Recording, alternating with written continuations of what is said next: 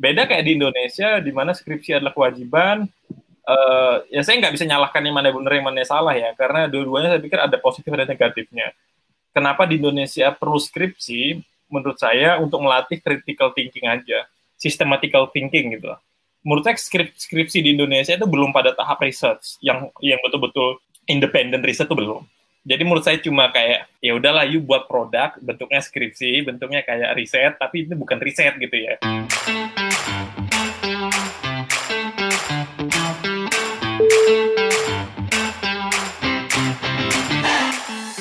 Hai, halo, saya Faram Teguh Kusuma dan kembali lagi pada talk show Ngobar, ngobrol bareng bersama Media Harga Event yang akan ditemani oleh saya sendiri dan ada salah satu narasumber yang sangat berkompeten di bidangnya yaitu ada Mas Indra Dwi Prasetyo. Sebelum itu mari kita simak terlebih dahulu untuk profil singkatnya tentang Mas Dwi Indra Dwi Prasetyo. Pria kelahiran Singkawang 1944 merupakan alumni LPDP RI Republik Indonesia pada Master Education di Monash University in Australia. Dia juga pernah menjadi pembicara pada kegiatan-kegiatan Science Engineering and Culture Exhibition di University Kochi di Jepang dan merupakan mahasiswa berprestasi di Universitas Tanjung Pura Pontianak selama studi ia berhasil mendapatkan lebih dari 10 beasiswa baik dalam maupun luar negeri. Saat ini juga ia sedang aktif sebagai managing director di ID Next Leader. Oke, tanpa berlama-lama mari kita sambut Mas Indra Dwi Prasetyo untuk bergabung dalam sesi talk show kita hari ini. Halo, Bro Perham. Halo, selamat sore Mas Indra. Apa sore, kabar nih? Sore. Wah, ini keren banget ya ada background-background. Iya. Oke, okay. uh, eh, berbicara tentang topik kita hari ini ya, itu menjadi diri sendiri di antara mahasiswa terbaik ya. Iya, itu ngapain sih? Uh, ya. Mau ngapain itu? uh, kita kan tahu Mas Indra ini sebagai alumni terbaik di Universitas Tanjung Pura ya, benar Mas? Wow. Dan juga peraih beasiswa uh, dalam LPDP RI di angkatan berapa Mas kalau boleh tahu? LPDP ya, LPDP tahun 2016. Oh. Uh, tahun 2016. iya. Iya, oke. Okay. Ya, tahun 2016 ini kan kita juga tahu bahwasanya uh, seseorang yang berprestasi itu tidaklah mudah ya untuk menggapai itu semua dan terkadang kita juga merasa minder uh, terhadap uh, apa bahasanya itu kayak di antara mahasiswa-mahasiswa terbaik kita merasa bahwasanya kita merasa kurang aja sih jadi kita akan membicarakan tentang bagaimana caranya membangun kepercayaan diri di antara mahasiswa terbaik seperti itu sih mas dalam talk show kita hari ini Oke, okay. uh, eh, kita langsung masuk ke dalam topik. Uh, ketika berbicara mengenai apa sih yang bisa uh, memotivasi diri Mas Indra ketika memilih uh, jurusan dalam universitas tersebut? Oh, oke. Okay. Uh, jadi banyak ya, ya faktornya ya. Jadi gini, basicnya dulu tuh saya tuh seneng uh, ketika ketika kecil ya pengen jadi pilot ya normal lah kan saya pikir anak kecil kalau ditanya pengen jadi apa ya kalau nggak jadi dokter yeah. ya pilot tentara gitu lah polisi gitu yang jadi pilot. Nah kemudian uh, berubah ya berubah karena orang tua saya itu background militer uh, Oh, okay. Jadi bapak saya itu TNI, uh, emas saya itu Polri. Jadi keluarga itu lengkap lah TNI Polri. Ya. Jadi kalau misalkan uh, kita berita misalnya ada konflik TNI Polri ya kalau di keluarga saya lengkap lah. Jadi nggak ada konflik-konflik. Anyway. Nah kemudian ngerasa bahwa uh, uh, apa namanya militer bukan bukan passion saya. Militer bukan apa yang saya inginkan gitu. Maka kemudian saya satunya uh, studi tentang pendidikan. Waktu saya bingung saya pengen pendidikan apa. Uh, kemudian uh, hitung kancing waktu itu hitung kancing ya saya pengen uh, saya senang dengan uh, global gitu waktu itu saya nggak kepikiran ada ada kayak HI gitu ya poli, uh, udah kepikiran tuh ya udah saya iseng aja masuk uh, bahasa Inggris waktu itu pendidikan bahasa Inggris karena pengen belajar tentang sesuatu yang internasional and global gitu lah nah uh, itu yang kemudian membawa saya pada akhirnya uh, master, master di di Monash. Uh, ya tapi basically kalau ditanya kenapa ngambil itu waktu itu karena pikiran saya waktu itu adalah I want to be an international um, human, international people ya. Jadi saya pengen menjadi manusia global dan saya pikir uh, either saya belajar policy-nya, either saya belajar language-nya, belajar culture-nya kayak gitulah waktu ide idenya sesimpel hmm. itu. Oke. Okay. Tapi tapi memang gini ya, maksudnya gini, nanti kalau kita mau pengen diskusikan lebih lanjut ya, uh, ini juga oh. menarik ya Mas Verham ya. Jadi kalau anak-anak SMA disuruh pilih jurusan itu pasti terbatas. Apa yeah. kemampuan berpikir terbatas. Nah, oh. makanya kemudian ini juga tips saya untuk teman-teman yang mungkin saat ini sedang sedang sedang mau studi atau ya. Lebih baik tanya tanya-tanya uh, guru, tanya dosen, tanya orang tua gitu sih untuk minta saran. Anyway, itu sih Mas Verham. Hmm. Ya, Uh, tapi benar nggak sih kita kalau misalnya memilih universitas apa jurusan dalam fakultas gitu, itu bisa berdasarkan dari passion? Um, saya saya sih kok, saya, kok bagi saya sih bisa. Jadi menurut saya bisa-bisa aja. Bahkan saya uh, berpikir semacam ini ya, ada perubahan paradigma Mas Irham. Jadi uh, dulu itu orang mau belajar ya belajar aja gitu Mas Irham itu itu itu itu itu yang berbeda dengan sekarang. Sekarang itu orang mau belajar banyak filternya. Uh, nanti kerja apa? Yeah. sih banget loh. Perspektif ke depan ya. Iya. Misalkan saya, saya baru saja misalnya baca buku uh, uh, tentang Hatta gitu ya Hatta itu uh, ekonom ya kan Hatta itu S1-nya kan ekonomi di Rotterdam Belanda tapi kemudian kalau kita takdir tidak membuat Bung Hatta menjadi proklamator, mungkin Bung Hatta akan berhenti sebagai dosen di kampus yang cuma belajar ekonomi saja gitu loh. Ya kan? Atau ya. Soekarno misalnya, Soekarno itu insinyur loh, ya kan?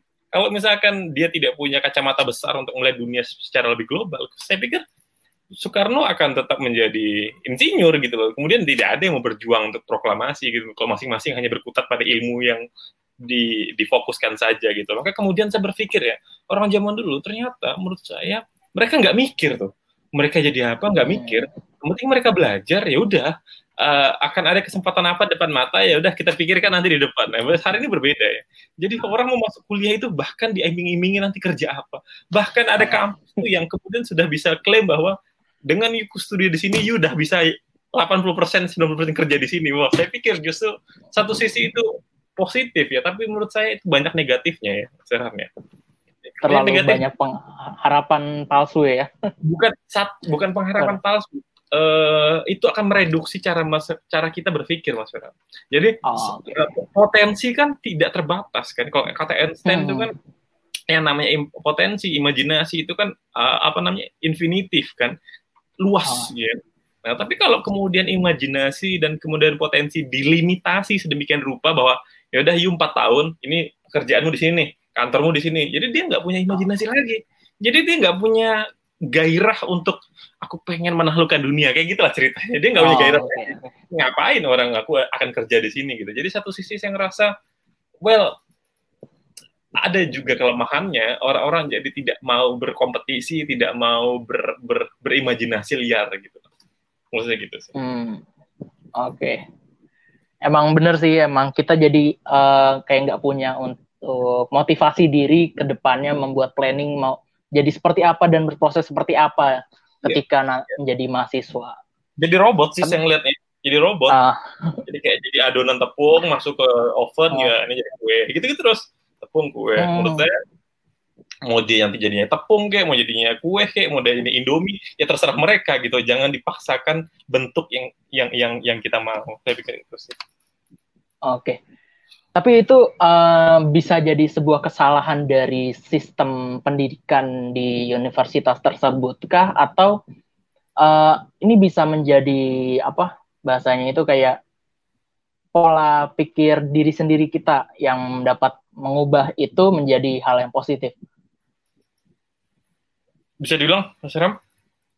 Ya, jadi kayak misalkan uh, apakah itu menjadi sebuah kesalahan dari sistem pendidikan saat ini kah atau uh, bisa menjadi uh, hal positif uh, dalam hal kita yang mengubah pola pikir kita sendiri gitu. Tentang yang tadi saya bilang tadi tentang robot uh, itu. Ya? Yang iya uh, itu. Um, satu satu sisi iya, saya ngerasa itu jadi, udah jadi sistemik ya.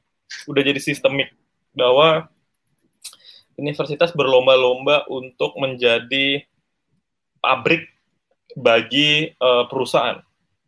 Satu sisi yang melihat seperti itu hari ini. Jadi kampus berlomba-lomba untuk mengatakan bahwa uh, apa uh, rate kerja kita tinggi gitulah. Tidak hanya di Indonesia, di luar negeri juga sama.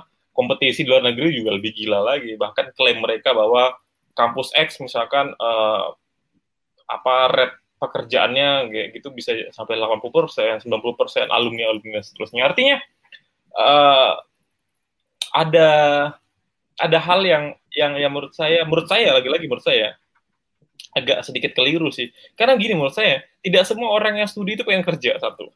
Kita harus oh. uh, jadi gini, ada hal yang yang ini saya pengen sharingkan juga Mas Firham. Jadi ada hal yang saya sebutnya missing link Mas Firham.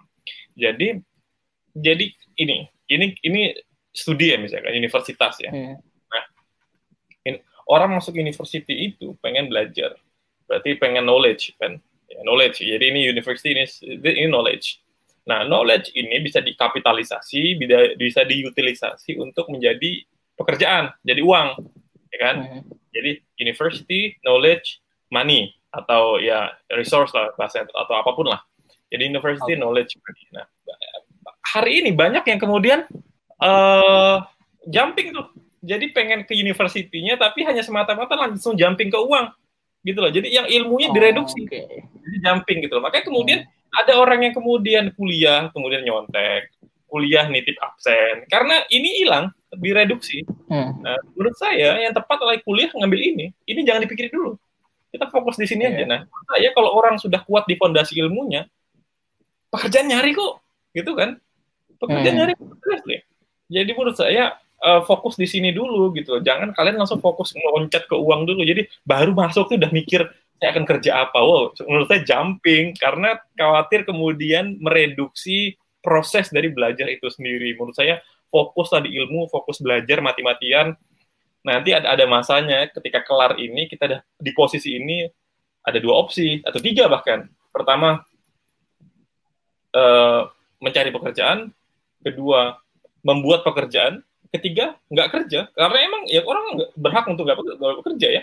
Ya kan kalau misalnya hmm. risiko uang udah banyak ngapain dia bekerja? Misalnya dia mau di rumah saja aja segala macam. Jadi ada banyak hal yang kemudian bisa terjadi di sini. Tapi basicnya adalah dia harus sudah punya ilmu dan matang dan bertanggung jawab atas ilmunya. Saya pikir itu nah jadi saya pikir kenapa kemudian uh, belakangan misalkan uh, teman-teman uh, banyak melakukan apa penyimpangan-penyimpangan akademik lah ada yang skripsi ada jokinya kemudian kan kayak sekarang kayak gitu kan skripsi ada jokinya. Ada, ada. jurnal ada jokinya. Menurutnya yang tengah ini dibuang. Jadi ah. udah orang ke kampus hanya untuk kerja. Jadi saya pikir cara berpikirnya uh, salah sih menurut saya gitu gitu hmm. uh, berbicara manajemen waktu nih mas tadi kan sempat berbicara tentang fokus uh, yeah lebih fokus ke mana dalam dunia perkuliahan. Uh, ketika dalam manajemen waktu nih, lebih baik berorganisasi untuk menambah sebuah relasi ataukah uh, fokus belajar untuk meraih nilai akademisi yang secara optimal gitu mas? Kalau menurut Mas Indra bagaimana? Ini saya disuruh milih atau gimana? Uh, yang terbaik kira-kira lebih baik keduanya kah atau mungkin salah satu atau bagaimana dari sudut pandang Mas Indra? saya pikir lebih baik dua-duanya lah. Kalau bisa disuruh milih, saya milih dua-duanya lah.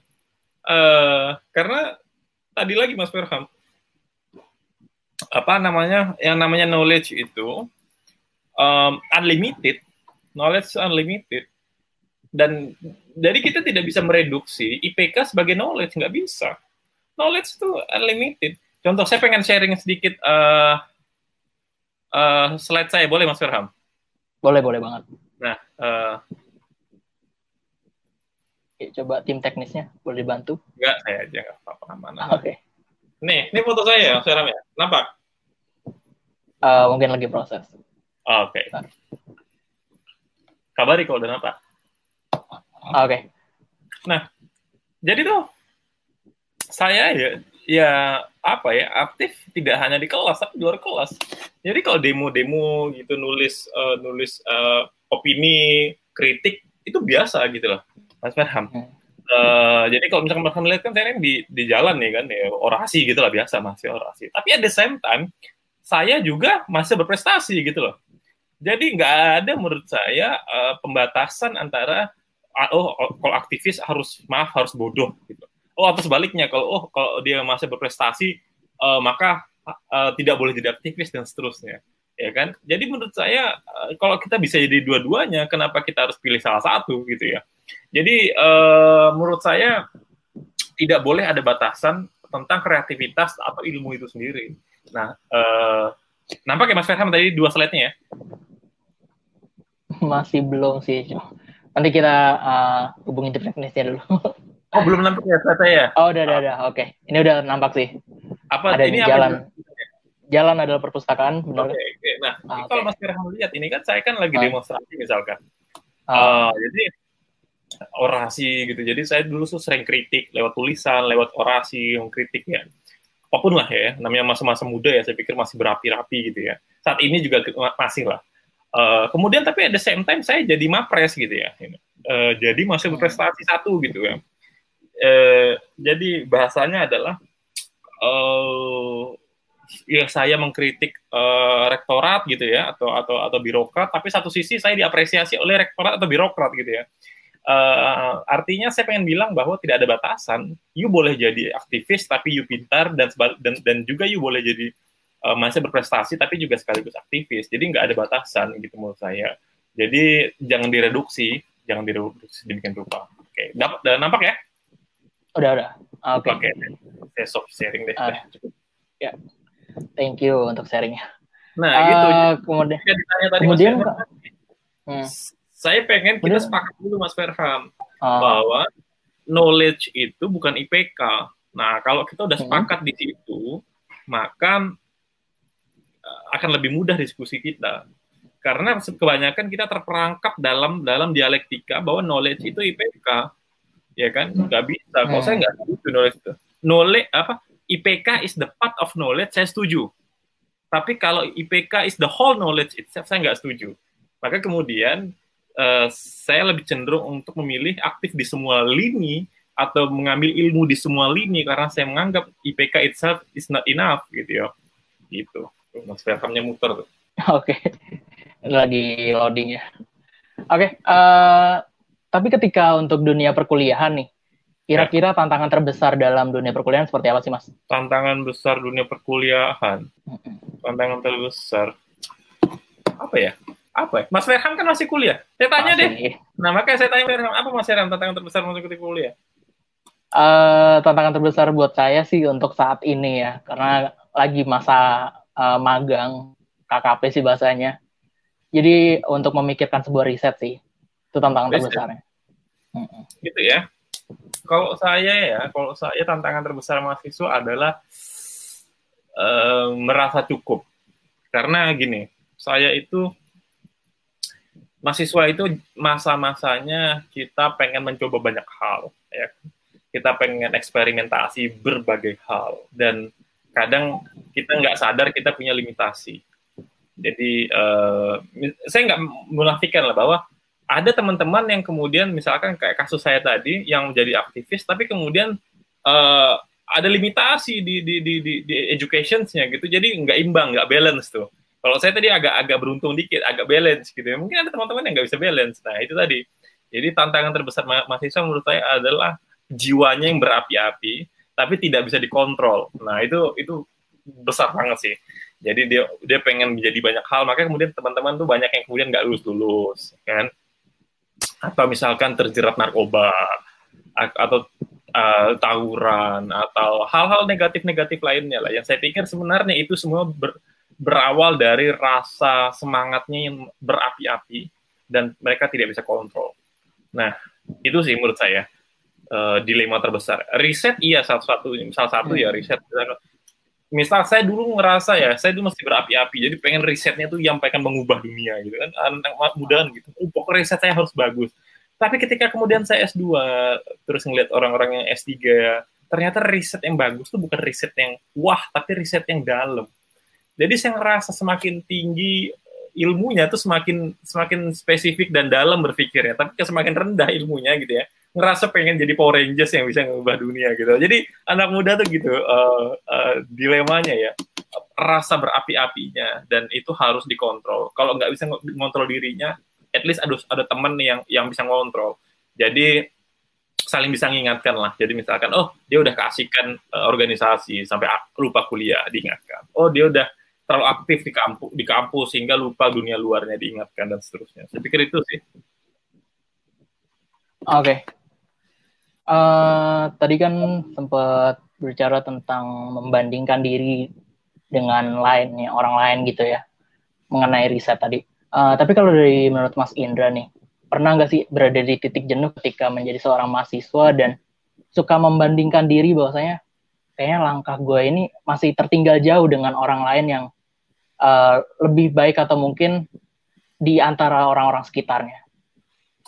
Pernah lah, uh, saya pikir wajar lah, wajar. Uh, jenuh itu wajar. Uh, bahkan di ketika saya S2 pun ada rasa jenuh, ada rasa capek. Dan saya saya saya bilang ya ke teman-teman, nangis itu biasa. Jadi kalau teman-teman jenuh itu ngerasa sedih, ngerasa nangis, nangis lah. Kadang tuh kita ngerasa bahwa dianggap bahwa manusia itu nggak boleh nangis. Ya saya nggak setuju sih nangis nangis saja luapkanlah kesedihan itu luapkanlah rasa tersebut gitu ya menjadi sebuah tangisan nangis loh nggak apa-apa. Uh, pernah ketika saya S2 Mas Ram saya tuh sibuk banget Mas Ram saya uh, saya uh, ketika S1 ya saya mimpin banyak organisasi. Saya jadi pernah buat lembaga juga pernah buat komunitas juga. Uh, sambil mempertahankan IPK saya, ya kan, mapres, ya, seperti itulah karena saya saya beasiswa. Nah, ketika S2 juga sama Mas ya. Jadi saya juga mempertahankan beasiswa saya. Saya jadi Vice President PPI Australia, ya kan. Saya mimpin uh, dua tiga event lah internasional di di Melbourne waktu itu. Dan itu semua dalam jangka waktu yang berdekatan. Dan saya juga harus uh, maksimalkan tesis saya, gitu kan, uh, agar nilai tesis saya bagus, gitu. Jadi ada masanya saya drop, ada masanya saya uh, ngerasa kayak oh my goodness, this is too hard gitu ya. Tapi saya ngerasa ya gini mas, ketika saya ngerasa, ketika perasaan itu muncul, saya langsung mikir gini, bahwa Tuhan tuh tidak sedang bermain dadu. Jadi kita harus percaya dong bahwa Tuhan tidak sedang bermain dadu gitu ya. Artinya ini bukan tentang kocokan dadu, ini semua tuh by purpose gitu ya. Jadi, Dra, you you did it because ya ini ini udah direncanakan gitu dan Tuhan tuh percaya bahwa orang yang dipilihnya pasti orang yang terbaik dan orang yang mampu gitu karena kita selalu percaya kan bahwa ujian itu tidak pernah melebihi dari kapasitas kan. Jadi saya selalu berpikir semacam itu. Secapek apa pun saya sejenuh apa pun seberat apa pun tanggung jawab saya saya selalu berpikir bahwa Tuhan tidak sedang bermain dadu kok gitu jadi uh, ini bukan kayak untung-untungan eh terpilih Indra. Indra yaudah sana enggak. Ini kayak udah diatur sedemikian rupa skenario hidupnya dan bisa jadi ini jadi jadi jadi lompatan. Kalau you bisa survive you akan bisa melompat lebih tinggi melompat lebih tinggi dan seterusnya dan seterusnya. That's why ketika saya jenuh ketika saya ngerasa capek ngerasa saya ngerasa bosan itu sih yang, yang nempel di otak saya. Bahkan saya uh, berpikir ya Mas Verham ya dulu ketika Bung Hatta umur 17 tahun belajar di Belanda di Rotterdam dia dan teman-temannya mendirikan PI Perhimpunan Indonesia. Itu pada tahun 28 gitu lah. Bahkan belum ada Indonesia. Perjuangan Bung Hatta untuk aktif di PI itu sampai masuk penjara loh. Sampai masuk penjara di Belanda untuk ngurus PI padahal sebenarnya dia bisa aja kok kuliah foto eh, nggak ada foto ya waktu itu ya. yang maksudnya kuliah santai-santai keliling Belanda gitu jalan-jalan ke Jerman keliling mati salju nggak usah ngurus ini. Itu bisa kok dia kok. Tapi pun dia beasiswa gitu ya bisa kok maksudku maksud, bahkan beasiswa dicabut oleh Belanda gitu. Gara-gara dia ngurus PI ya. Artinya saya mikir gini ya kenapa kami Bung Hatta mau seperti itu ya? Karena ada ada goal besar dan dia ngerasa bahwa ini tanggung jawab yang diberikan bukan pada orang yang salah gitu itu yang kemudian menyadarkan saya bahwa ketika saya ada beban dikit ketika kuliah atau apa saya merasa kayak Indra yuk kalah nih dengan Bung Hatta gitu deh. Walaupun uh, mungkin saya pasti maksudnya Bung Hatta jauh lebih besar dari saya tapi semangatnya itu terus terus saya pegang bahwa dulu dia sampai uh, sampai di penjara beasiswa dicabut tapi masih ngurus PI Perhimpunan Indonesia. Sebelum sekarang berubah jadi Perhimpunan Pelajar uh, Indonesia PPI ya. Uh, tapi semangatnya luar biasa. Makanya saya merasa bahwa kalau anak muda hari ini cengeng gitu ya, cengeng-cengeng aja, nangis-nangis aja, tapi setelah itu bangkit lagi gitu. Jangan kemudian cengeng, kemudian drop, kemudian udah aku nggak mau, aku pengen survive sendirian saja. Itu sih uh, saya pikir Mas Heram. Jadi okay. pernah bosan, pernah nangis. Oh. Ya, keren keren banget sih. Emang bener ya kalau misalkan uh, kita harus selalu bisa survive apa pun keadaannya walaupun nggak membedakan gender antara wanita atau perem, apa laki-laki atau perempuan yeah. ya kalau misalnya kita pengen nangis ya nangis aja iya betul nangis nangis aja hmm. untuk meluapkan emosi dan segala amarah yang dipendam oke okay, uh, eh, yeah. tadi kan sempat juga berbicara tentang next goals ya jadi apa harapannya ke depan setelah uh, lulus dari apa Monash University sebagai alumni dari sana. Kira-kira nih, uh, Mas Indra harapannya ke depan ingin membuat apa untuk Indonesia yang lebih baik? Yes, jadi gini, uh, karena kuncinya tuh sebenarnya di kontribusi Mas Erham. Jadi uh, teman-teman tuh saya rasa harus punya beban kontribusi. Nah, uh, kontribusi itu dari apa definitif ya. Jadi nggak ada nggak ada hukum pastinya. Jadi kontribusi itu mulai dari sekadar misalkan buat status yang bagus agar agar orang lain ngerasa motivated itu udah kontribusi. Atau kontribusi itu membuat skripsi dengan penuh semangat bahwa berharap bahwa skripsinya dapat dibaca orang lain dan menjadi inspirasi itu udah kontribusi. Atau kontribusi misalkan buat startup kayak Mas Ferham dan teman-teman buat media gay event gitu ya. Nah itu event. dari event itu sudah sebuah kontribusi. Oh. Jadi uh, ketika ditanya apa apa bentuk kontribusinya apa um, sulit ya untuk saya deskripsikan satu-satu ya karena ada banyak ya. Tapi at least satu kuncinya yang saya pengen uh, saya pengen tanamkan di otak adalah jangan pernah berhenti berpikir tentang orang lain. Itu itu kunci saya. Jadi jangan pernah sedikit pun berhenti untuk berpikir tentang Indonesia, berpikir tentang orang lain. Jadi dengan kata kunci itu, maka kita setidaknya bergerak atas nilai-nilai kontribusi. Jadi misalkan mulai dari sekedar misalkan gini deh, misalkan kalau saya kan aktif di media sosial ya. Jadi mulai dari caption yang saya tulis, saya selalu berpikir bahwa caption ini punya manfaat nggak untuk orang lain. Kalau kok nggak ada manfaat, saya mending saya ganti tulisannya, saya ubah narasinya. Hal-hal yang semacam itu. Bahkan ini pada pada level kritis ya pada level kritis saya itu berpikir bahkan saya nggak pernah upload uh, upload misalkan makanan misalnya di media sosial saya nggak pernah upload makanan semata karena saya berpikir bahwa karena ketika saya upload ini ada orang lain yang mungkin belum makan dan pengen makan tapi nggak kesampaian untuk makan maka saya dosa memamerkan makanan yang tidak bisa saya bagi gitu. Misalkan uh, saya tahu mungkin nggak semua hal, semua orang sepaham masalah ini ya tapi uh, artinya saya berpikir tentang orang lain itu sampai sedemikian itu gitu loh.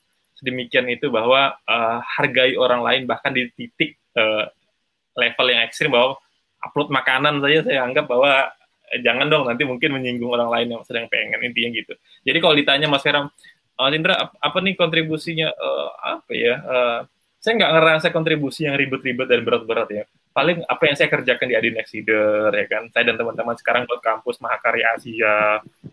Saya juga sekarang uh, menjadi kepala apa kepala bidang pengembangan sosial uh, L, uh, Mata Garuda itu alumni LPDP seluruh dunia. Jadi saya ngerasa kontribusi saya masih kecil banget, tapi kemudian at minimal ada ada orang lain di dalam pikiran saya yang saya pikirkan terus gitu. Jadi ya kayak sekarang lah misalkan gini malah weekend saya dihabiskan untuk sharing bareng Mas Vera.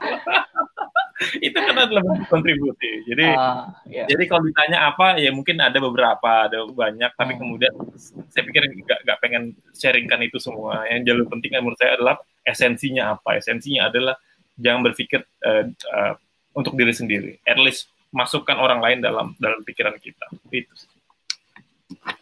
Dan yang paling terpenting adalah berkolaborasi ya Mas ya itu adalah satu cara, ya. salah satu cara untuk kemudian agar uh, goal tersebut atau dampak tersebut bisa lebih masif gitu. Hmm, Oke. Okay. Uh, tapi uh, kita menelisik lebih dalam lagi nih tentang dunia perkuliahan maksud Indra. Pernah nggak sih uh, apa ada sebuah bullying tentang antara bahasanya senior dengan junior? Nah kira-kira tanggapan dari Mas Indra itu gimana tentang cara bersosialisasi yang baik dan benar ketika dalam dunia perkuliahan? Iya. Kadang kan junior suka takut-takutan gitu ya saya juga ngalami. Saya pernah jadi junior saya juga pernah jadi senior. Saya nggak denial saya nggak denial bahwa uh, stratifikasi sosial dalam dalam academics terutama di Indonesia itu masih kental sekali. Masih kental sekali stratifikasi sosial. Jadi ada junior ada senior. Uh, sebelah tapi saya ngerasa itu tuh kuno ya old school ya. Kuno sekali. Mm -mm. itu tapi masih sering terjadi sih mas masih sering terjadi kuno. Makanya saya bilang thank God adanya COVID ya. Orang jadi lebih terbuka gara-gara apa uh, digital ya. Orang lebih belajar dengan hmm. digital dan sebagainya. Ya kalau digital gini kan nggak ada senior junior gimana? Kita nggak bisa lihat stratifikasi orang eh, junior uh, senior. Uh, jadi saya ngerasa emang itu itu dilema sih, itu dilema uh, dan itu tadi kayak uh, saya katakan Mas Ferham ya, anak-anak muda itu kan penuh semangat ya membara gitu ya. Dan kesadaran mereka untuk bilang ini salah tuh biasanya tidak tidak pada saat mereka kuliah tapi ketika mereka udah lulus atau mereka udah level atas ya baru mereka sadar bahwa ngapain nih kayak gitu ya itu kok kuno banget ya. Jadi saya pikir emang emang harus ada uh, reformasi besar-besaran di kampus untuk uh, apa ya meniadakan stratifikasi yang berlebihan semacam itu. Saya pikir gini, kalau stratifikasinya dalam bentuk senior senior, senior junior dalam dalam level yang yang masih dapat diterima, saya pikir nggak masalah. Artinya gini, uh, kita kan budaya ketimuran ya, budaya ketimuran itu kan punya punya wisdom ya. Jadi punya wisdom, jadi uh, yang senior uh, mengayomi yang junior gitu kan, yang junior belajar dari senior itu kan wisdom ya. Satu sisi kalau kita terlalu egaliter seperti misalkan barat gitu ya, yang semuanya sama gitu ya. bahkan uh, bahkan kalau saya di kampus itu saya boleh pakai sandal jepit boleh pakai celana pendek. Pokoknya tergantung tergantung apa? Tergantung kemauan. ini apa? Cuaca. Jadi oh, kalau udah musim summer itu di di Melbourne itu wes itu udah kayak di pantai aja. Aduh pokoknya kalau kalau nggak nggak nggak biasa dengan dengan dengan situasi semacam itu pasti akan sulit sekali uh, berkondi ber, ber, ber, ber, belajar kita di Melbourne misalkan. Menurut saya itu udah kelewatan menurut saya uh, artinya dosen menurut saya adalah orang yang harus kita hormati dan di budaya ketimuran tuh cara menghormati mulai dari berpakaian gitu kan. Pakaiannya harus uh, rapi uh, menghargai lah. Tapi kemudian kalau di luar kan egaliter ya jadi bahkan mereka sendiri nggak pengen disebut prof gitu kan. Mereka panggil nama aja gitu. Awal-awal pasti kan keluh lidahnya. Yang paling susah lagi adalah ketika dosen kita adalah dosen Indonesia gitu. Jadi saya ada satu dosen Indonesia profesor ngajar di Monash. Waduh celaka itu, sulit itu. Ketika saya panggil prof dia bilang jangan prof panggil nama aja. Waduh, kok bule saya masih bisa. Tapi kalau sama-sama orang Indonesia tuh nggak mungkin, gak mungkin bisa. Susah gitu. Jadi saya izin lah. Saya panggil bapak saja ya. Saya bilang gitu. Jangan panggil nama karena sulit. Anyway, jadi menurut saya kita nggak bisa semerta-merta membawa apa apa yang ada di Barat dengan apa yang ada di Indonesia ya. Jadi egaliternya itu ada egaliter wisdom berbasis wisdomnya. Jadi uh, harus tetap ada wisdom-wisdom tertentu yang kita harus tanamkan menurut saya. Nah, jadi misalkan uh, justru saya sepakat karena ada wisdom tersebut lah maka budaya-budaya perpeloncoan itu dihapuskan menurut saya karena tidak sesuai dengan wisdom kita gitu kan wisdom wisdom kita itu yang yang senior yang menghargai junior gitu kan. Yang senior menyayangi junior itu wisdom kita. Nah tapi kalau dibuat wisdom yang yang yang lebih tua kemudian me, me, apa ya apa berlaku kasar dengan yang yang lebih muda saya pikir nggak ada ajarannya. Apalagi di barat gitu ya. Di timur aja nggak ada ajarannya. Jadi justru saya pikir wisdom kita itu udah cukup baik. Senior junior saya pikir itu baik. Kok itu itu definisi yang menurut saya apik sekali nggak ada di luar senior junior tuh nggak ada di luar uh, di kampus luar tuh nggak ada istilahnya. Oh dia seniorku di nggak ada. Cuma ada di Indonesia menurut saya. Uh, dan ada wisdomnya ada experience-nya ada nilainya ada value-nya. Nah justru uh, kalau kemudian kita menyalahgunakan kita kehilangan wisdom tersebut gitu loh. Jadi saya pikir apa wisdom itu tetap dipertahankan tapi kemudian sikap perpeloncoan atau kemudian uh, ya merasa paling superior gitu lah itu yang yang saya pikir harus dihapuskan sih dari pendidikan Indonesia. Gitu. Oh, Oke. Okay. Berarti itu bisa menjadi salah satu shock culture dari Mas Indra kali ya, uh, yang ketika berada di Indonesia dan tinggal beberapa waktu di Australia, benar nggak Mas? Iya, jadi sebelumnya kan sebelum sebelum saya kemudian studi S2 kan, saya udah lumayan sering exchange ya Mas Ferham ya. Saya udah pernah ke ASEAN lah ya, negara-negara ASEAN itu udah pernah, kemudian ke negara-negara timur kayak Korea, Jepang, Eropa gitu. Uh, jadi emang uh, tidak begitu kuat uh, cultural shocknya, tapi emang ada. Tidak begitu begitu kuat, tapi emang ada. Misalkan gini, uh, ketika saya di Jepang, misalkan Mas Ferhan, ketika saya uh, dengan teman-teman ada riset di Jepang, uh, kita belajar misalkan tentang budaya kebersihan, misalkan, oh itu kan gila ya, Jepang itu kan crazy tanda kutip lah. Disiplin ya. Iya disiplinnya. Jadi Uh, misalkan kan kita waktu itu nggak tertib tentang masalah memilah-milah sampah misalkan. Jadi kita asal aja. Semua sampah kita gabungin. Jadi kita nggak pilah and you know what? Sampah kita tuh tiga empat hari itu dimakan burung gagak gitu loh bertaburan dimakan gagak gitu dan kita langsung heran dong dengan pemilik apa apartemen kan ngerasa kayak ini kok sampah kita di depan nih nggak diambil gitu kan sedangkan sampah tetangga-tetangga kita diambil and you know what dia bilang petugas sampah di sini hanya mengambil sampah yang sudah dipilah gitu Wih, gila. Jadi harga diri tukang sampah tuh tinggi. Jadi kalau you nggak tertib, aku nggak akan ngambil. Aduh. Nah, jadi ngerasa, oh gila nih. Jadi dia nggak akan pasti nggak akan ngambil sampahmu. Jadi saya heran kenapa sampah saya dimakan gagak bertaburan di mana-mana. Karena sampahnya nggak tertib gitu loh. Jadi kita sampah itu saya bongkar lagi, saya pilah-pilah lagi kulit telur di sini. Jadi jadi tukang sampah. Artinya saya menghargai tukang sampah justru ketika di Jepang, ya kan. Artinya semua orang equal, pekerjaan itu equal. Kalau di sini maaf maaf kata ya, di sini kan kita agak-agak agak sebelah mata melihat pekerjaan-pekerjaan semacam itu ya. Bahkan yang tidak layak pun kita buang di tong sampah. Jadi kita nggak pernah berpikir apa yang akan mereka rasakan. Tapi kalau di sana kan betul-betul uh, apa ya? Ya, saya belajar tentang manusia-manusia ketika di Jepang. Di Australia juga sama. Misalnya di Australia kasusnya misalkan apa? Hmm, menghargai manusia dalam dalam hal jasa misalkan Mas Farhan. Jadi uh, Australia Melbourne misalkan salah satu negara dengan gaji paling tinggi di dunia Mas Ferham. Jadi Mas Ferham itu kalau Mas Ferham kerja kerja kerja level bawah lah katakanlah jadi membantu-bantu chef gitu ya di rumah makan gitu ya. Gaji Mas Ferham itu bisa 250 ribu per jam itu per jam ya kita bicara per jam. Jadi kalau sehari Mas Ferham bisa kerja 5 atau 6 jam, Mas Ferham bisa dapat 2 sampai 3 juta per hari di Melbourne. Nah, tapi harga-harga barang itu relatif murah. Jadi kalau beli sayur, beli buah, beli daging itu murah di sana. Nah, tapi kalau dimasak, kita beli masakan gitu ya Mas Ferran. Misalnya Mas Ferran mesan deh misalkan, eh mesan satu porsi makanan itu harganya bisa satu, satu piring itu bisa 200 ribu.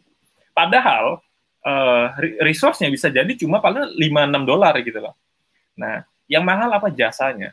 Jadi makanya kemudian saya lebih banyak masak kalau di Melbourne karena saya tahu barang tuh murah banget buah-buahan murah banget. Masyarakat mau belanja sampai muntah juga murah-murah banget. Paling buah tuh kayak dua dolar tiga dolar gitu ya murah-murah banget. Daging juga itu murah banget gitu ya ayam. Tapi ketika itu dimasak oleh orang lain harganya langsung tuh tinggi banget. Jadi kita bukan beli barangnya kita bayar jasanya. Nah saya belajar bahwa oh ternyata eh, dalam sebuah sistem uh, ketenaga kerjaan yang sudah rapih gitu ya uh, jasa orang itu mahal sekali, bahkan digaji per jam gitu. Saya pikir itu adalah salah satu hal yang saya pelajari. Ya culture shock, culture shock semacam itu sih kalau saya kalau saya harus harus mengungkapkan ketimbang culture shock yang sifatnya pendidikan. Kalau pendidikan saya pikir sama lah karena saya sudah pengalaman untuk exchange ke mana-mana. Jadi saya pikir kurang lebih sama, tapi hal-hal non-non gitu yang mungkin jarang orang perhatikan. Gitu maksudnya. Oke, udah nggak terasa kita udah ngobrol 30 menit lebih ya, hampir 40 menitan. Uh, mungkin kita langsung masuk aja ke sesi Q&A ya, Mas.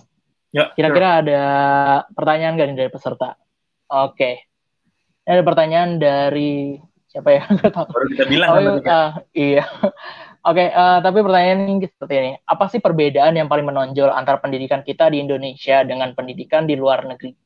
Kira-kira poin apa yang harus dikembangkan dalam sistem pendidikan di Indonesia? Oh banyak banget kan. Saya kalau dis, dis, disuruh kayak gini tuh, saya pengen jawab secara secara akademik itu banyak banget kan. Apa? Jadi panjang uh, kali lebar ya. Yang paling yang paling populer aja deh misalkan uh. ada skripsi di S1 misalkan. Populer uh. tuh. Kan? Jadi kan kalau Verham sekarang kan lagi masa-masa magang skripsi. Kalau di sana uh. tuh uh, S1 tuh nggak ada skripsi Mas Verham. Jadi kalau saya S1 saya bisa lulus by project aja. By project tuh misalkan ya, ya paling buat tugas kayak gitu-gitu lah kayak kita buat tugas biasa gitu. buat video gitu-gitu itu by project namanya. Tapi kalau kita memilih untuk skripsi ketika S1, jadi misalkan Mas Hera pengen skripsi nih, eh saya mau skripsi dong karena IPK saya cukup, uh, ada syaratnya ya. Nah, Mas Verham berhak untuk langsung PhD. Nah, menarik, langsung PhD. Jadi kalau Mas Verham S1-nya skripsi, Mas Verham itu hmm. dianggap sudah lewat S2. Nah, makanya kemudian kalau di luar negeri itu ada istilah HONS kan, misalkan B titik HONS, itu artinya Bachelor with Honors. Honors itu artinya ya kehormatan lah kehormat honors itu uh, istilah yang kita dipakai untuk kalau kita sudah mengerjakan skripsi itu honors tuh nah jadi bisa langsung PhD tuh bisa langsung PhD nah tapi juga jarang teman-teman saya yang ngambil honors tuh jarang kecuali emang dia pintar banget Uh, karena kan masih muda ya, seumur umur Mas Farham gini lah. Berapa umur Mas Farham? Paling dua berapa? Dua, dua, dua berapa? Dua, tiga? Dua puluh dua. Dua puluh dua. Katakanlah, kalau misalnya studi di, di Australia misalnya, ya, di umur 24 udah PSD tuh. Umur 28 udah udah PhD gelarnya gitu kan. Ya kan sakti ya. Sakti ya. ya. Sakti Jadi, banget. Tapi kan susah, susah. Jadi uh -uh. skripsi di sana itu betul-betul susah karena levelnya itu sama kayak S2, level berpikirnya. That's why hmm. kita bisa langsung skip S2, bisa langsung PhD setelah itu. Nah, uh, tapi kan uh, itu jadinya sunnah kan, istilahnya sunnah. Beda kayak di Indonesia, di mana skripsi adalah kewajiban, uh, ya saya nggak bisa nyalahkan yang mana benar yang mana salah ya karena dua-duanya saya pikir ada positif dan negatifnya. Kenapa di Indonesia perlu skripsi? Menurut saya untuk melatih critical thinking aja, systematical thinking gitu. Menurut saya skripsi di Indonesia itu belum pada tahap research. Yang yang betul-betul independent research itu belum. Jadi menurut saya cuma kayak ya udahlah you buat produk bentuknya skripsi bentuknya kayak riset tapi itu bukan riset gitu ya. Melatih kita untuk riset. Tapi saya tahu uh, saya pernah diskusi dengan dosen. Jadi ketika saya pulang S2 kan bergairah kan gairah risetnya tinggi kan pokoknya ngerasa kayak orang hebat gitu ngerasa orang dapat pencerahan ya padahal masih bodoh gitu kan gitu gitu lah saya pikir anak muda kan saya bilang dengan dosen saya yang yang yang udah PhD kan yang yang yang ngajar di kampus Indonesia dia bilang Pak ini kan skripsi-skripsi S1 ini kan nggak sesuai kaidah semua. Waduh, ketika saya pulang S2 ya, ini kan nggak sesuai kaidah semua nih. Ini apa referensinya jelek, ini jelek, tapi kenapa diluluskan bahkan nilainya A, gitu kan? Ini kalau, aduh kok di luar kan jelek banget lah intinya gitu lah intinya. Nah, dosen saya bilang gini, Indra, skripsi S1 itu kita nggak nyari riset yang independen. Gitu. Yang kita cari itu adalah kemampuan mereka berpikir saja. Critical thinking mereka, sistematikal itu saja. Nanti ketika mereka S2, baru kemudian pelan kita kita arahkan mereka untuk jadi researcher yang independen gitu. Oh, baru saya sadar bahwa ternyata S1 itu melatih kita untuk berpikir sistematis dan kritis gitu. Jadi skripsi itu salah satu bentuk cara melatih saja, tapi belum betul-betul jadi riset yang yang yang betul-betul riset gitu. Makanya saya sadar bahwa ngerasa bahwa oh ada kelebihannya juga. Dan di Australia kan kebalikannya mungkin ya, riset itu betul-betul riset gitu loh.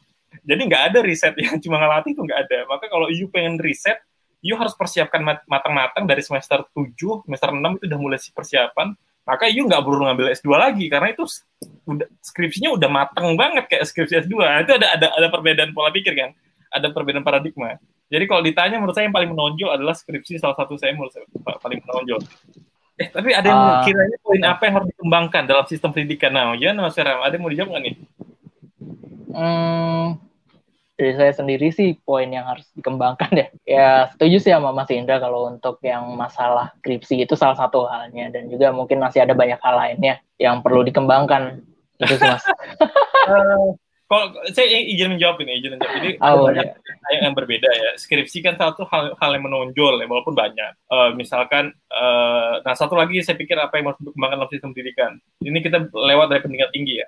Jadi saya itu tinggal di desa lah, kalau di Melbourne tempat sekarang ada namanya desa Clayton lah. Itu bukan bukan di kota besarnya Melbourne, itu di pinggir Monash. Jadi ada satu sekolah itu ya, SD itu mereka tuh udah belajar robotik. Itu SD di desa lah, mereka udah belajar robotik udah belajar hal-hal yang menurut saya itu belum saya dapatkan bahkan ketika saya perguruan tinggi gitu ya di Indonesia. Nah, jadi ternyata saya cari tahu ternyata di Australia tuh mereka uh, lagi fokus uh, apa istilahnya ya uh, pendidikan-pendidikan eksakta gitulah ya, jadi robotik, artificial intelligence, bernalar itu mereka lagi tonjolkan tuh. Nah, saya pikir itu jadi poin penting sih kalau Indonesia mau uh, mengejar ketertinggalan kita dengan negara-negara Barat ya, terutama dalam hal teknologi, kita harus harus mulai apa ya melatih anak-anak kita untuk kenal dengan dunia-dunia artificial intelligence, robotik, uh, mathematical reasoning itu dari SD betul dari SD.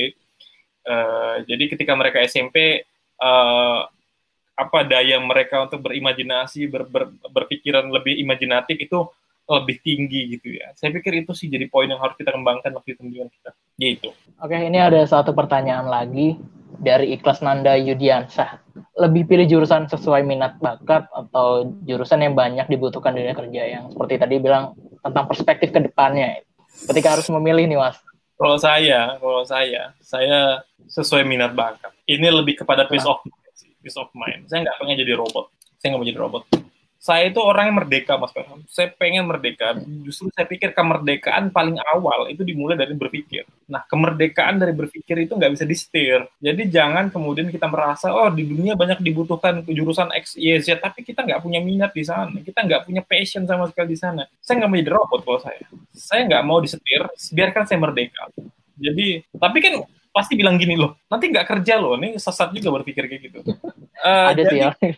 ya. Jadi maksudnya gini, emang ada pekerjaan-pekerjaan yang preferensial, ya kan? Artinya setiap masa tuh ada lah. Kayak misalkan dulu ada masa-masanya filsafat lagi jaya-jayanya, ada masa-masa jurusan sosial, jurusan pemerintahan jaya. Sekarang jurusan teknologi, gitu kan, IT, ada jaya-jaya. Tapi apakah orang kemudian bekerja kuliah di jurusan yang tidak disebutkan tadi kemudian tidak bekerja sesat juga saya pikir nggak setuju juga memang tidak preferensial tapi kan tetap juga bisa bekerja gitu ya. Jadi saya uh, kalau ditanya saya akan memilih apa yang saya minati dan saya bakati sih ketimbang apa yang dibutuhkan bekerja uh, karena saya yakin dengan apa yang saya punya I can create something dan itu bisa bisa bisa create money gitu bisa generate money uh, kalau saya mikir sih itu Mas Ferham ya karena ini lagi-lagi peace of mind ya ketenangan pikirannya hmm kan bisa punya uang banyak, tapi kalau enggak, tapi kalau tertekan susah kan. Iya. Saya punya teman ya Mas Feram, punya teman uh, kakeknya itu salah satu uh, uh, profesor, profesor di bidang seni lukis di Indonesia. And you know what? S1 beliau tuh kedokteran. S1 dia kedokteran. Kemudian beliau hijrah langsung ngambil jurusan uh, seni rupa dan sampai jadi profesor. Saya pikir ya, kalau kemudian S1 kemudian lanjut lagi dokter uh, spesialis gitu ya, saya pikir Indonesia gak akan punya nama seperti beliau gitu yang kemudian jadi maestro lukis gitu ya. Tapi dia bilang bahwa emang kakeknya ini dari kecil emang seneng lukis gitu dan kedokteran tuh nggak bukan dia yang minat gitu lah. Intinya seperti itulah intinya. Saya pengen bilang. Jadi lagi-lagi ini masalah peace of mind, ketenangan berpikir dan kalau kita tenang, kerjanya kita bahagia, saya pikir uh, kita bisa lebih kreatif dalam menghasilkan uang gitu ya dan sebaliknya uh, kalau kita tertekan walaupun memang ada uangnya tapi kerjanya berat kerjanya ada yang kita bebani gitu ya. Itu apa sih uang gitu ya? Maksudnya saya untuk apa sih uang banyak kalau kemudian kita nggak tenang gitu ya? Well itu yeah. Iya. ya emang seperti itu sih. Kenangan pikiran adalah yang paling utama buat saya juga. Iya. Oke okay, uh, eh, kita mungkin udah mau dalam penghujung acaranya uh, mungkin Mas Indra bisa memberikan sebuah tips and trick nih ketika membangun kepercayaan diri sebagai mahasiswa. Uh, apa sih yang harus uh, kita lakukan ketika kita untuk membangun sebuah kepercayaan diri di antara mahasiswa-mahasiswa terbaik? Hmm. Wah, kayak gini sulit banget ya Gini, saya tuh berpikir semacam ini ya Mas Erham ya. Banyak dari mahasiswa yang kemudian melihat diri mereka tapi dengan sepatu orang lain. Ya, contoh ya, contoh. Uh, saya tuh paling benci kalau ada seminar motivasi yang intinya dia bilang kalau kalian pengen jadi saya kalian harus gini kalau kalian pengen jadi saya saya paling benci itu dan saya nggak pernah uh, ikut atau memberi uh, seminar motivasi kayak gitu. Kalau saya diminta untuk beri seminar motivasi saya nggak pernah bicara itu. Saya tadi menunjukkan slide ke Mas Ferham tentang apa yang saya lakukan semasa kuliah. Cuma dua foto ya walaupun yang ada yeah. potensi lain. Tapi saya tidak pernah nyuruh teman-teman untuk jadi saya.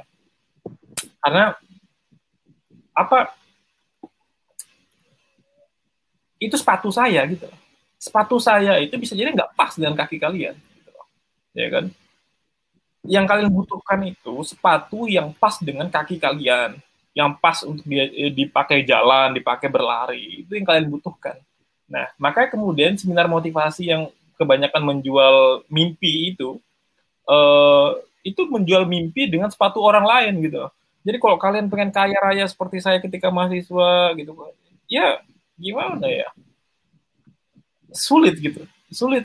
Saya, makanya kemudian saya bisa berpikir untuk teman-teman semuanya coba deh kalian temukan sepatu yang pas untuk kalian kemudian berkarya dengan sepatu itu. Gitu sederhana ya bahasa kiasan saya ya. Jadi jangan pernah meniru orang lain. Seriusan jangan pernah meniru orang lain. Jadi kebanyakan kita tuh kan kemandang tuh orang lain kayak eh aku pengen dong berlari kayak dia cepatnya gitu. Tapi kita lupa sepatu kita beda kita bahkan mungkin nggak pakai sepatu, dia sepatunya mahal gitu. Jadi ketika diajak lari ya kita jelas kalah dong, berdarah-darah kita kalah. Dengan dia ngerasa kayak, ayo semangat apa kerja keras dan kerja keras kita bisa. Itu dulu kerja kerasmu gimana gitu kan. Ada orang yang kerja keras, tapi kerja kerasnya malam banting tulang untuk bantu orang tuanya, ada ibunya yang lagi sakit, ya kan. Siang dia harus bekerja, nyambi-nyambi sambil kuliah part-time. Itu kerja keras versi dia. Kerja keras versi yang orang ini bisa jadi cuma ayo belajar, malamnya ikut les komputer, siangnya les biola, les ini, ya dia akan bilang, kan belajar, kita bisa kok semangat tunggu dulu. Makanya saya, saya itu rada hati-hati dan kata-kata sukses, semangat, kerja keras itu tunggu dulu. Karena definisinya bisa luar biasa berbeda. Nah, banyak anak muda yang pengen sukses biasa tuh ngelihat yang seperti itu. Yang dilihat tuh kayak gitu, aku jadi pengen jadi emas ini, aku pengen jadi kakak ini, aku pengen jadi abang ini, dan seterusnya. Tapi dia lupa bahwa kaki, kaki kita berbeda. Nah, terus apa Mas Indra kita nggak boleh sukses mereka? Boleh bahkan jauh lebih sukses dari mereka boleh. Tapi ingat cara yang kita pakai harus beda dengan mereka. Jadi kalau cara-cara yang saya pakai misalkan Mas Ram untuk kenapa kemudian ini saya tadi nggak jelaskan ya kenapa kemudian tadi saya uh, bisa jadi masa berprestasi beasiswa saya banyak dan segala. Mas Ram saya hampir nyari kehilangan masa muda saya artinya saya kehilangan masa-masa muda di mana anak-anak nongkrong saya saya nggak sempat nonton bioskop saya nggak sempat kayak gitu-gitu saya nggak sempat waktu saya saya habiskan 24 jam itu betul-betul untuk untuk untuk ngurus itu. Ya belajar yang ngurus organisasi. Bahkan uh, ekstrimnya saya bilang saya jarang tidur di kos-kosan. Karena saya lebih sering tidur di sekretariat kampus diskusi bedah buku gitu. Saya kehilangan masa-masa muda saya tapi saya nikmati. Nah maksud saya apakah orang lain harus seperti saya? Enggak juga gitu kan. Justru kalau enggak enggak enggak sesuai jangan ditiru gitu itu pas dengan saya mungkin nggak pas dengan kalian jadi prestasi saya oke okay, that's good silahkan kemudian teman-teman termotivasi tapi untuk mencapainya kalian jangan pernah lupa bahwa ada darah dan air mata yang kemudian dikorbankan dan bisa jadi nggak sesuai dengan uh, teman-teman gitu kan. Kayak misalkan saya S2 Mas Ferham, saya S2 itu selama empat bulan itu saya tidur itu dari jam 6 pagi sampai jam 10 pagi. Pagi saya tidur. 10 pagi sampai jam 6 pagi itu saya gunakan untuk ngurus PPI, ngurus uh, kegiatan saya, ngurus proyek saya, kuliah. Dan waktu saya ngerjakan tesis itu jam 12 sampai jam 6 pagi, tengah malam. Karena itulah waktu-waktunya sunyi, nggak ada orang menghubungi saya. Dan setelah saya ngerjakan tesis, saya tidur gitu. Tidur jam 6 sampai jam 10 gitu terus. Mampu nggak saya pikir teman-teman kayak gitu? Kalau nggak mampu ya jangan ditiru. Tapi kemudian kan pasti pengen tuh dapat yang seperti itu kan? Maksudnya pengen dapat beasiswa. Maksudnya carilah cara kalian sendiri. Makanya saya sebut pakai istilah sepatu. Carilah sepatu yang pas bagi kalian kemudian berkarya dengan sepatu itu. Mas Ferha misalnya dengan Mas Mas Wibi tadi ada di uh, operator.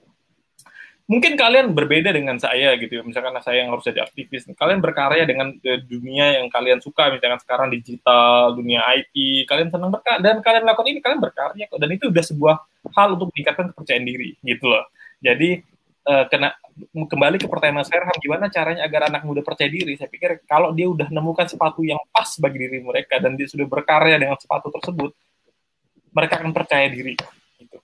Yang membuat tidak percaya diri kan adalah pertama tidak menemukan sepatu yang pas, kedua mimpinya masih pengen mimpinya orang lain. Wah itu udah kacau itu. Udah nggak nemu sepatunya, tapi menggantungkan mimpi pakai mimpinya orang lain udah kacau. Tapi kalau dia udah punya sepatu sendiri, udah enak, udah ngerti kekuatan dirinya, tapi kemudian mimpinya juga dialihkan jadi mimpinya sendiri ya udah nggak apa-apa. Aku mungkin nggak bisa kuliah ke luar negeri gak apa. Tapi aku bisa uh, at least kuliah kelar di Indonesia sambil bantu orang tua aku misalkan kayak gitu aku mungkin nggak bisa exchange ke luar negeri tapi at least aku bisa kerja sambil kerja untuk membiayai bapakku yang sedang sakit dan kayak gitu-gitu itu kan mimpi-mimpi yang kemudian tidak semua orang bisa rasakan jadi tips untuk saya adalah pertama cari sepatu yang pas kedua jangan menggantungkan mimpi dengan mimpi orang lain pakai sepatu kita, pakai mimpi kita. Saya pikir itu sih cara paling ampuh untuk percaya diri. Gitu Mas. Oke. Keren, keren. Uh, berarti emang pada diri sendiri untuk tidak terlalu egois deh. Iya, betul. Oke. Okay. Uh, yang terakhir ini Mas, closing statement dari Mas Indra. Ya. Statement ya? Atau mau mengutip dari quotes yang mungkin bisa memotivasi orang lain dan masih dari sendiri. Saya lagi belajar ini nih uh, uh, bukunya. Jadi uh, uh, saya Muslim ya kebetulan saya Muslim. Saya lagi baca bukunya Al Ghazali. Judulnya Miskat Cahaya Cahaya. Jadi saya lagi senang uh, bacanya Al Ghazali dan ada satu hal yang saya senang di buku ini bahwa ilmu itu layaknya sebuah cahaya ya. Ilmu itu layaknya sebuah cahaya. Tuhan itu maha cahaya, ya kan. Manusia itu fungsinya itu bukan membuat cahaya, tapi membuka dirinya agar cahaya itu masuk. Gitu ya. Jadi ingat Tuhan, manusia itu bukan bukan membuat diri bercahaya, bukan. Manusia hanya membuka dirinya agar cahaya ilmu tadi masuk. Gitu kan. Itu menurut saya adalah logik yang luar biasa tentang belajar sih. Jadi manusia yang paling menurut saya hebat belajarnya itu bukan kemudian yang pinter, tapi yang paling bisa membuka dirinya agar cahaya masuk. Ya kan? Karena kayak tadi Tuhan ini kan maha cahaya, kemudian di dunia uh, berubah menjadi cahaya ilmu gitu kan. Nah, ditransfer lagi ke, ke kita. Kalau kita udah tertutup, artinya pemikiran tertutup, hati tertutup, penuh dengki, pikiran juga close minded, ngerasa kita paling pintar, itu cahaya pasti nggak akan masuk.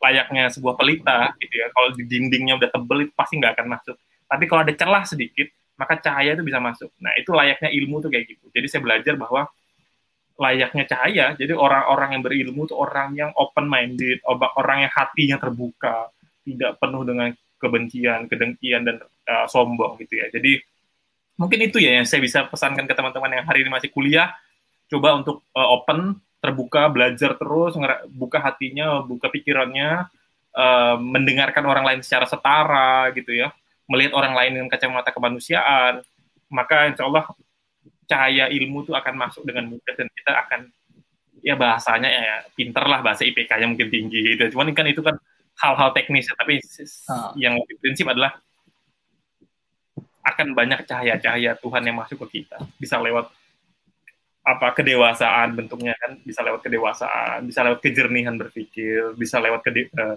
apa kemampuan kritis dan seterusnya dan seterusnya itu kan adalah bagian-bagian cahaya-cahaya tadi intinya adalah membuka diri itu aja Oke, okay, thank you. Oh, good. Ya, uh, gila keren banget ini untuk talk show hari ini. Dan terima kasih banget untuk Mas Indra yang telah meluangkan waktunya di weekend malam minggu ya. Malam minggu nggak Mas? Hilang okay. waktu. Iya. Ya, untuk berkarya emang harus seperti ini sih kayaknya. Oke, okay. buat teman-teman yang ada di websitenya Media Arga Event Live Streaming, terima kasih juga yang udah stay sampai akhir penghujung acara talk show hari ini. Uh, buat kalian yang ketinggalan dalam talk show hari ini, kalian bisa mendengarkan ulang kembali ada di channel YouTube-nya Media Arga Event dan juga di Spotify. Jadi sampai berjumpa di talk show selanjutnya. Terima kasih kembali juga untuk Mas Indra dan sampai jumpa untuk teman-teman semuanya. See you.